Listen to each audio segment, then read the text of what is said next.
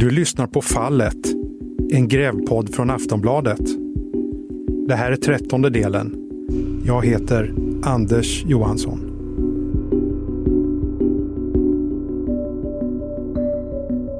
Den 21 maj 1986 ringer en 15 år gammal Samir till polisen och berättar att hans mamma ligger död i rummet bredvid. Samir säger att det är han som har dödat henne. Det är 30 år och sju månader sedan. Det enda jag satt och tänkte på, om inte jag gör det här då kommer min pappa döda min bror. Jag har sett precis ett mord och, eh, och så tog han min bror. Och det är det enda jag har i, i mitt huvud. Han skrivs ut från tvångsvården i september 1988 och blir mot sin vilja placerad tillbaka hemma hos pappan som han precis angett för mordet. Samir känner sig helt övergiven av samhället och bestämmer sig för att slå tillbaka. Han inleder en kriminell karriär. Det är 28 år och tre månader sedan. I oktober 2014 blir Sargon de Basso Samirs advokat. Det är två år och två månader sedan. Jag hade drömmar om att vi skulle nå den här dagen. Men eh, sett till eh, statistiken och hur den juridiska verkligheten ser ut.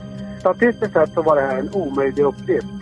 Vi lyckades tillsammans göra det omöjliga möjligt helt enkelt och skriva rättshistoria. I november 2014 träffar jag Samir för första gången och börjar granska fallet. Det är två år och en månad sedan. Jag säger inte att du ska lita på mig. Utan du får ta del av all material. Sen får du bilda din egen uppfattning. Jag kanske ljuger för det. Det kanske är jag som är mördaren. I juli 2015 lämnar advokaten in en resningsansökan. Det är ett år och fem månader sedan. I december 2015 har åklagaren gjort en ny förundersökning och rättsväsendet börjar nu för första gången få en annan uppfattning om mordet. Det är ett år sedan. Eh, ja, alltså hade man haft det här... Om jag hade varit åklagare 86 och haft det här materialet som, jag, som finns nu, då hade jag inte väckt åtal. Vi hör åklagaren Anders Tordaj. Men sen så vill jag invänta hovrättens beslut innan jag liksom fattar något slutligt beslut i ärendet. I april 2016 blir det tydligare och nu tar även Svea hovrätt ställning. Idag fick Samir resning för en morddom efter 30 år. Det är våra rubriker. Välkomna till kvällens Aktuellt. Samir Sabri, som för 30 år sedan dömdes för mord beviljades idag resning av Svea hovrätt. Det betyder att han nu antingen kan frias direkt eller så prövas fallet i en ny rättegång. Hovrätten beviljar resning i målet Jo, det, det, det, är ju så att det kom in den här eh, resningsansökan och när vi gick igenom den för första gången så konstaterade vi att det här är nog något som åklagaren behöver titta på och skickade över den till åklagaren. Åklagaren kom tillbaks eh, så småningom och eh, redogjorde för vilka åtgärder de hade gjort, nämligen att de tillstyrkte resningsansökan och det gjorde de eftersom de hade återupptagit förundersökningen och hållit nya förhör med, med flera personer. Vi hör hovrättslagmannen Staffan Lind. De uppgifterna plus eh, skriftligt, eh, skriftligt underlag. Efter det så har, har vi gått igenom eh, det, det, här målet eh, i detalj och då kommit fram till att det finns ju eh, nu nya uppgifter i målet. Och då kom vi fram till att det är sannolikt så att det kan leda till en annan utgång i målet. Och då ska vi bevilja resning. Det har vi gjort. Alla dessa år, månader, veckor, dagar, timmar och sekunder leder till just den här stunden, den 13 december 2016. Livet är, livet är rättvist känns det som. Ja, så jävla bra. Och det är precis betyder på sociala medier. Äntligen. Det är liksom rättvisa när det skipas i sin renaste form. Ja, har du lagt ut det här än eller? Nej, det har jag inte. Nej, för vi är på väg just nu i bil för att ge Samir det här beskedet. Wow. Jag åker genom ett snövitt Sverige med en bunt papper. Domen som slutgiltigt friar Samir från mordet.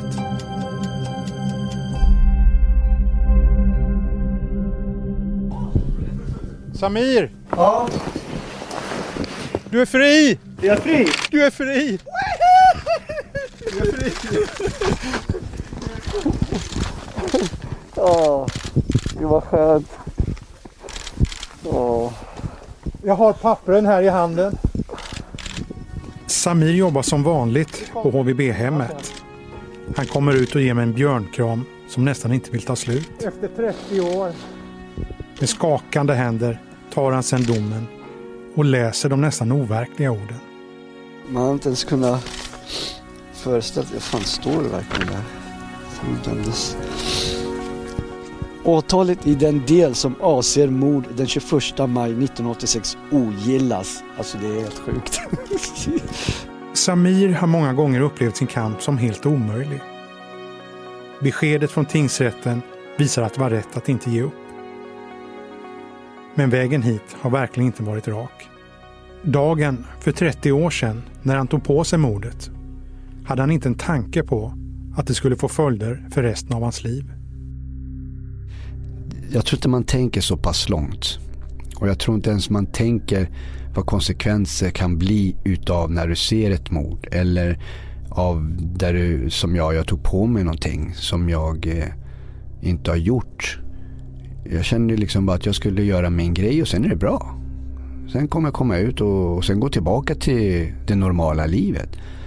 Jag hade ju ingen aning om att det här skulle påverka hela mitt liv. Det har ju... Alltså det har ju...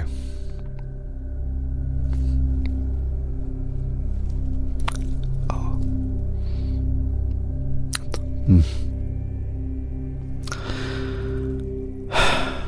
Ja, det, det... Det var en liten pojke som... Oh, jag vet inte hur man ska förklara. Kan man, det kändes som att man har tagit hela min barndom. Hela min... Hela mitt liv i stort sett. Det, jag har fan levt i en bubbla, i en falsk värld där jag har liksom varit rädd.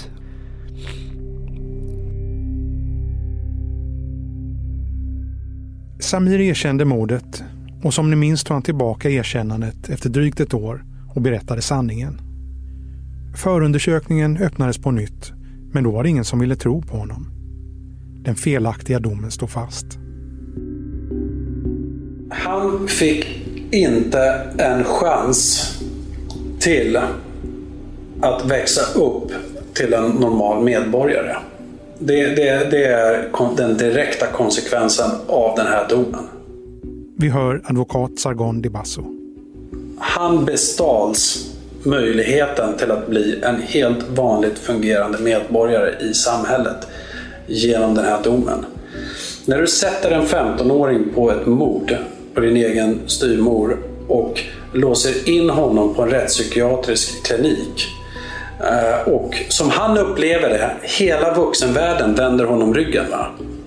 Och när han ropar på hjälp så lägger man locket på. Sopar det under mattan. Eh, och inte lyssnar på honom. Då har du förmedlat ett budskap till den här ungdomen om att det som du upplever i samhället är emot dig och inte med dig. Och då kan du inte förvänta dig att den personen ska komma ut och vara en del av det samhället. Samir har äntligen fått sin upprättelse. Men han har inte varit ensam i den här kampen. Det finns en person till som varit på hans sida nästan från dag ett.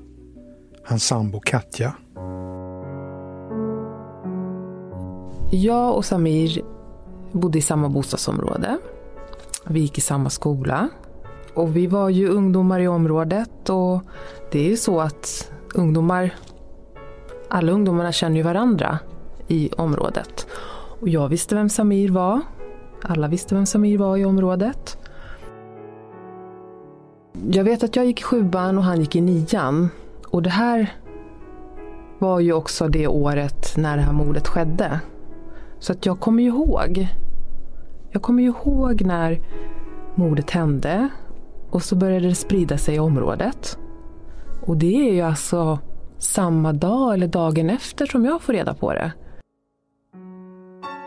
Alltså man börjar prata om att eh, Samir har dödat sin mamma.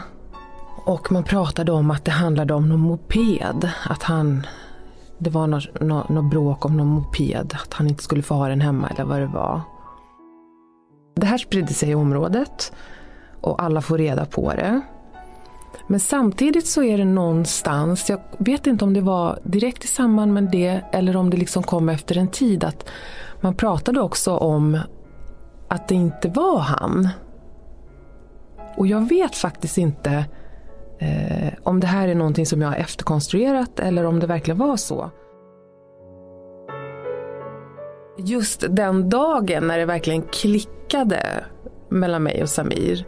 Då vet jag att det var en av mina väninnor fyllde år och eh, vi var på collage. Där den kvällen så alltså det verkligen klickade på dansgolvet på, på, på riktigt nära klick, som man kan säga till klick. När du säger klicka, vad var det du föll för hos Samir? Det var nog hans, den här eh, den energin som han har. Han är alltid så himla glad. Och full med energi. Det händer liksom alltid någonting runt omkring honom. Samir visste att han var stämplad som mördare. När han och Katja träffades själva för första gången satt de på Chaplins bar på Fleminggatan på Kungsholmen. Han visste att hon hade hört talas om mordet, om honom. Han valde att berätta. som jag minns det så var det någonting som Samir ville avhandla. Um, för att jag kan inte tänka mig att jag ställde frågan för att i min värld så var det inte han. Det visste jag någonstans. Eh, jag tror att jag hade hört det tidigare. Eh, så han lyfter upp det och vi pratar om det. Han berättar vad som har hänt. Så han berättar den riktiga versionen för mig på vår första dejt. Och jag vet också att jag, det fanns liksom inget tvivel om om det nu var han eller inte, utan för mig var det bara så att han hade inte gjort det. När vi hade varit på den här dejten eh, och sen ska vi liksom åka hemåt och jag vet att vi sitter i bilen. Eh, och jag vet att jag då någonstans tar upp det igen. Och då kommer vi liksom, vi pratar om det igen och sen så är det som att vi någonstans konstaterar att det är inte han. Och det känns nästan som att då, då, är, det, då är den saken färdig avhandlad. Den behöver liksom aldrig mer, vi behöver aldrig tveka. Jag behövde aldrig mer tveka att det skulle vara på något annat vis. När jag och Sami dejtade så var han ingen mördare i mina ögon. Absolut inte. Det har han aldrig varit. Katja har med egna ögon upplevt hur den felaktiga domen påverkat Samir. Det var ju solklart att det var hat mot samhället. Det gick inte att missa. Eh, det var mot hela rättsväsendet, ja, hela polisen och rättsväsendet. Och, eh, och sen alla som var ansvariga för allt han hade blivit utsatt för som barn. Alltså det var ju allt ifrån att sitta på barnhem eh, och sen att han blev dömd för det här mordet. Alltså att inte vuxna tog sitt ansvar och ser liksom att det här inte var rätt. Och det har vi ju kvitto på idag, att så var det ju faktiskt de vuxna inte tog sitt ansvar. Men alltså att leva med det under tiden, det var så påfrestande att se. Och, och känna det liksom sveket som han upplevde. Vilket liksom eh, man förstod att det var ett svek men, men, det kom ut som ett hat som alltså välde ut mot. Och det var väl något sätt för honom att rättfärdiga alla brott och allt han gjorde. Konsekvensen är ju att han utvecklar ett kriminellt en kriminell livsstil. Eh, och när man väl har utvecklat en sån kriminell livsstil som han hade och på den nivån som han hade, då är det ju också svårt att backa från den livsstilen. I den kriminella världen höll Samir masken. Där gäller det att vara självsäker och kung i baren. I början var det ju väldigt spännande. Det hände alltid någonting. Det var ju, och då, I den åldern så var det ju spännande att, att vara ute på stan och mycket fester och man fick gå förbi kön och man blev... Ja, vi, vi, vi vart uppassade på någon sån här extrem eh, konstig... Vi blev upppassade, väldigt uppassade när vi var ute på krogen.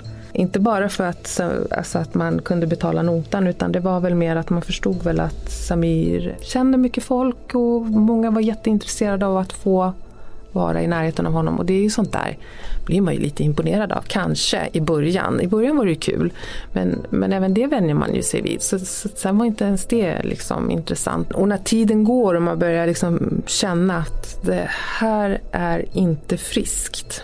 Och någonstans där på vägen så har vi också skaffat barn. Vilket var en naturlig liksom, fick ju barn när jag var 27 år så det var, jag var inte speciellt ung utan det var en naturlig del. Och sen efter det så börjar man inse att det här är nog inte alls så friskt och bra. Och, och, och då börjar man ju se att det finns mycket negativa saker i hela den här äh, livsstilen som man hade.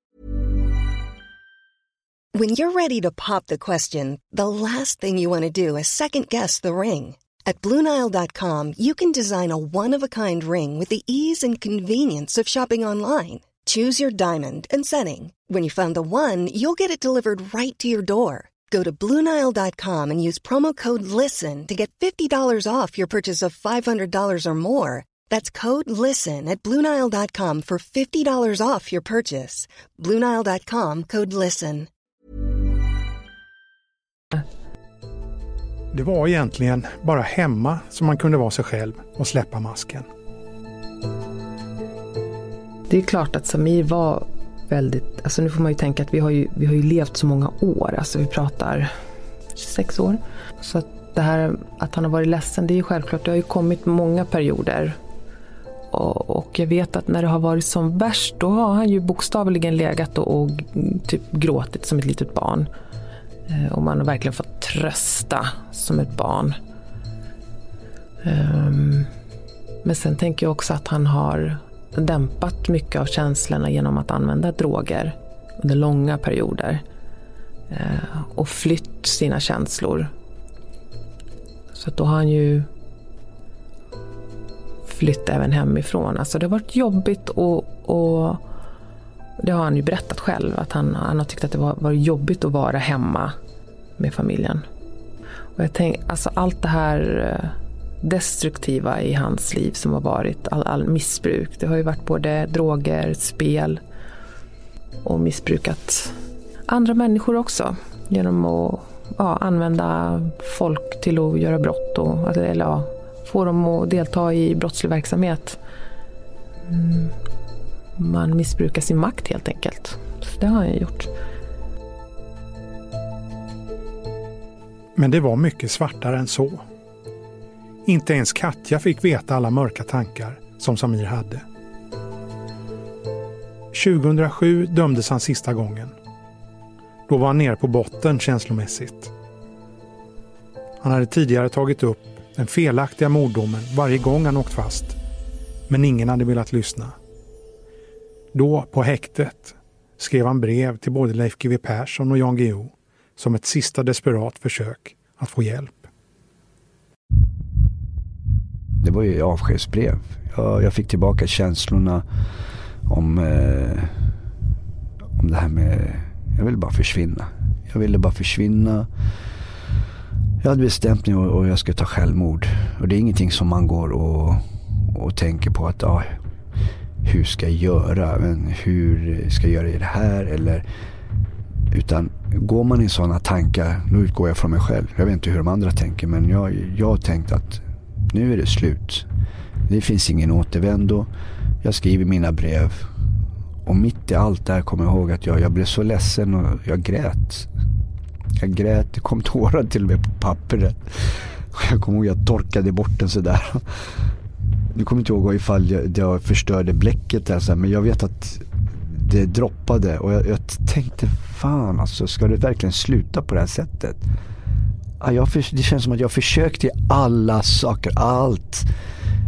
Det är ingen som lyssnade på mig och det, någonstans så kommer man till en sån här gräns där det bara, jag orkar inte, jag ger upp. Jag ger upp. Jag menar om du inte ens har, till och med jag har haft hur många miljoner som helst. Jag blir inte lycklig i alla fall. Det fanns ingen mening med livet längre för mig. Hade du tänkt på hur du skulle göra det här? Ja, det är väl inte så svårt. Inte för att jag har, har gjort det på det sättet. Jag har ju liksom, förra gången skulle jag ju skjuta mig själv. Jag hade ju ingen pistol där inne. Men man kan ju hänga sig. Man har ju sina eh, idéer och tankar. Så att det är ju inga konstigheter. Så du hade gått så långt att du hade tänkt ut ett sätt som... Ja, det, det är inget svårt. Du sitter ju med lakan och, och sådana här saker. Så att det... Mm.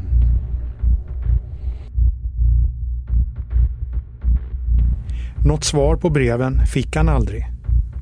Och när Katja och Filip kom på besök hade han bestämt sig. I hans tankar var det sista gången de skulle ses. Och där händer det någonting med, med mig när jag ser Filip framförallt. Att hur, alltså det är inte rätt och, och, att, att jag ska ta självmord och beröva hans pappa om man säger så. Och det, det, men det som skedde där, det är att när jag såg, alltså när jag tittade på Filip, då såg jag mig själv där. Jag bara, fan det där är ju jag ju. Det var ju när min mamma lämnade mig när jag var tio år och han var ju nio, tio år när de kom och besökte mig på häktet. Och ska jag då medvetet ta ifrån hans pappa på det sättet? Nej. Så någonstans där så skedde det någonting när vi väl satt där i besöksrummet. Och sen när vi gick därifrån så jag bara, nej nu jävlar. Nu ska jag banne med ta tillbaka livet. Och det, det, det, var, det var när de kom dit faktiskt. Det var vändningen.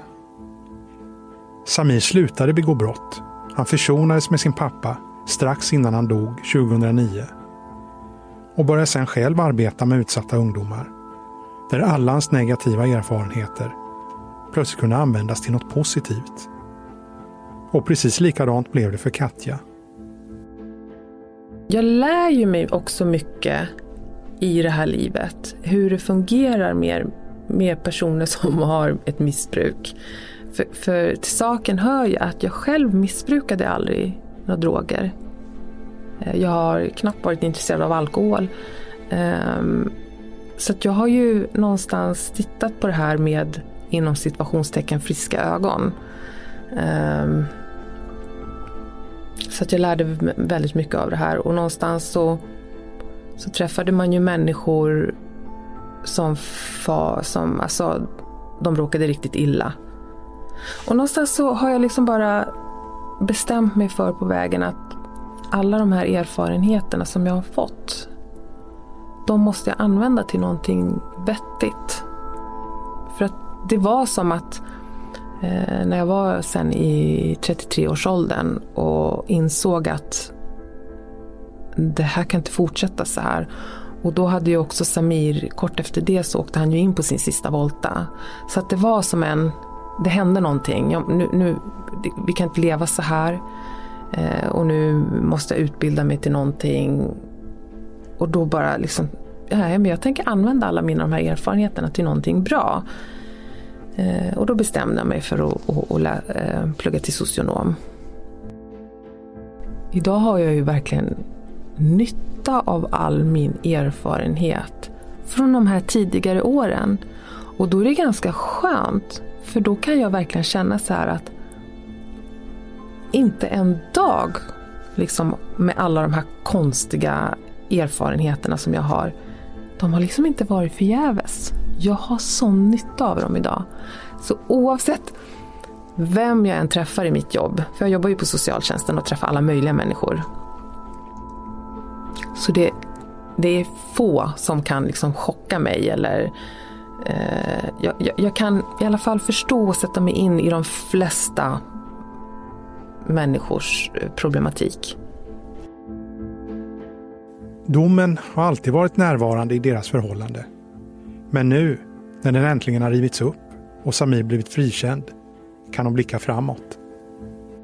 Jag vet inte vad det här betyder för mig än. Om vi säger så här, rent så här bara om man tänker våra diskussioner till exempel hemma vid matbordet eller så här. Alltså det här ältandet som har varit, att hur ska det gå och allt det här, det är över. Alltså just det här, det här vardagliga, det ska bli så skönt att slippa. Så skönt, jag är så less på att höra om hans oro för hur det här ska gå. Den oron har ju ätit upp oss inifrån. Eh, under, under den här perioden som har gått. Men alltså den, den har ju också ätit eh, genom alla åren tillbaka har den ju... Eh, för tänk så här Anders, när jag och Samir träffades, jag var 20, han var 21, skulle fylla 22. Det var ju inte länge sedan han blev släppt. Alltså från det här, äh, han var 18 när han blev släppt från det här. Så jag menar, det hade bara gått ett par år. Och jag tror inte, alltså nu om vi tänker tillbaka ett par år tillbaka, det är ju typ som det... Jag har verkligen varit med i hela den här resan. Det är helt galet. Och nu är den äntligen över på något vis. Nu äntligen får han liksom ett avslut på det här. Det här är ju faktiskt en upprättelse även för mig. Därför att genom åren så har jag stött på människor som har sagt att ah, Samir, han, som är, han är ju dömd för ett mord. Han har ju mördat sin eh, styvmamma. Och att då börja ens förklara för någon att han är oskyldigt dömd, det är ju som att det har liksom aldrig varit någon idé ens att börja förklara sig. Men det är så skönt att idag är det liksom vi har ett kvitto på att han är oskyldigt dömd. Så, och att det dessutom, det har tack vare fallet, så har så många fått reda på det här. Nästa steg blir att begära ersättning. Men pengarna har aldrig varit någon drivkraft för Samir. Det är själva erkännandet, att samhället gjort fel, som är värt något. Och nu i form av den frikännande domen. Men många säger, ja men Samir nu ska du få ersättning. Hur många miljoner? Ja, vadå miljoner? Kanske blir hundratusen. nej men du ska få... Nej, vad håller ni, vad, de förstår inte det här. Det här med, med, med upprättelsen och eh, det betyder någonting helt annat. Eh, pengar har jag haft i, i åratal tidigare då när jag var kriminell. Och det har inte lett mig till lycka eller någonting. Det har bara lett mig till fördärv och mer problem och mer droger och längre bort från familjen. Nu har det gått några dagar sedan vi träffade Samir på hans jobb på HVB-hemmet. Sakta, sakta börjar han vänja sig vid den nya känslan. Det känns bra. För en gångs skull i mitt liv. Riktigt bra alltså. Det, det är nu som jag känner bara wow. Jag känner mycket lättare. Och det är en känsla. Det är en speciell känsla att vara liksom morddömd och sen jag är inte dömd för det här mordet. Det finns inte på mina papper. Och det, nej, det är skillnad.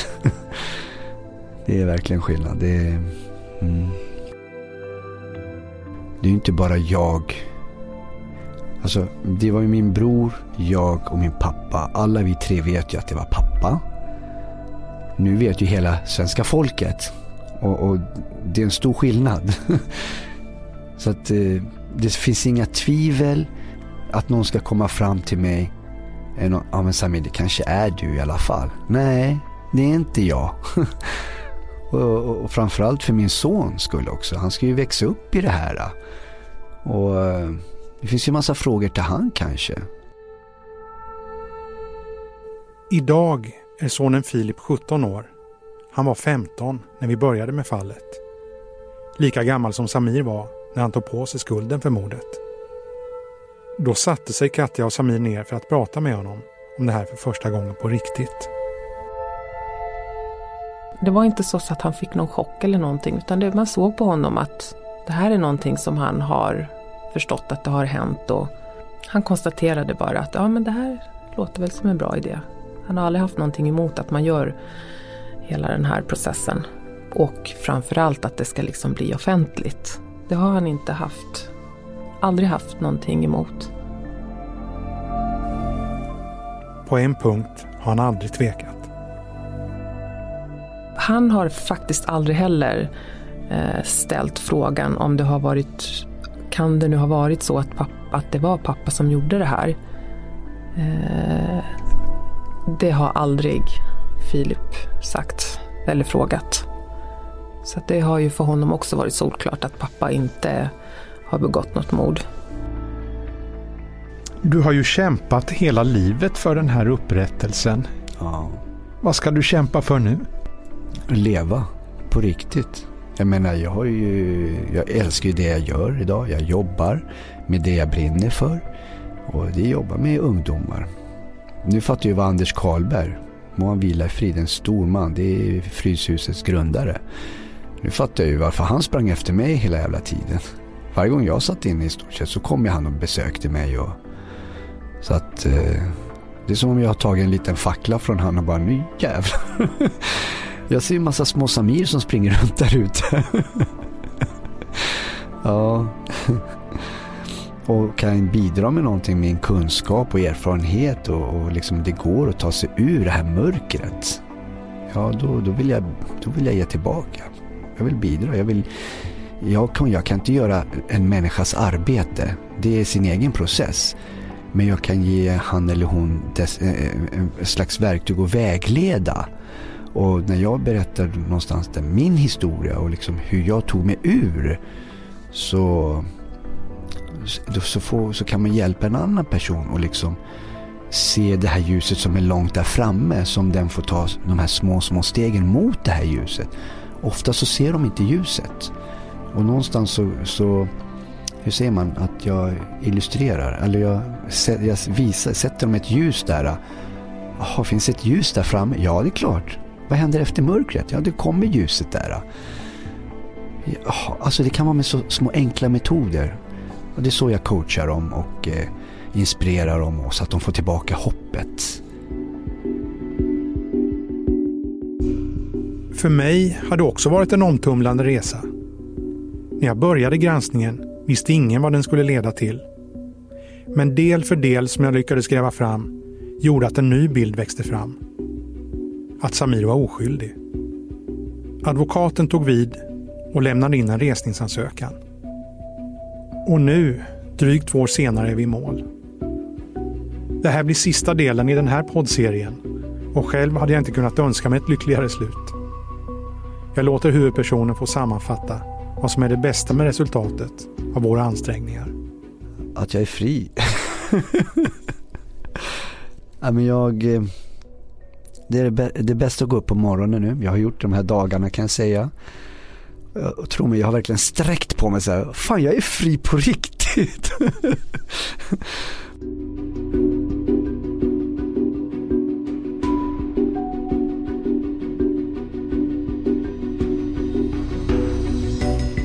Du har lyssnat på Fallet, en grävpodd från Aftonbladet.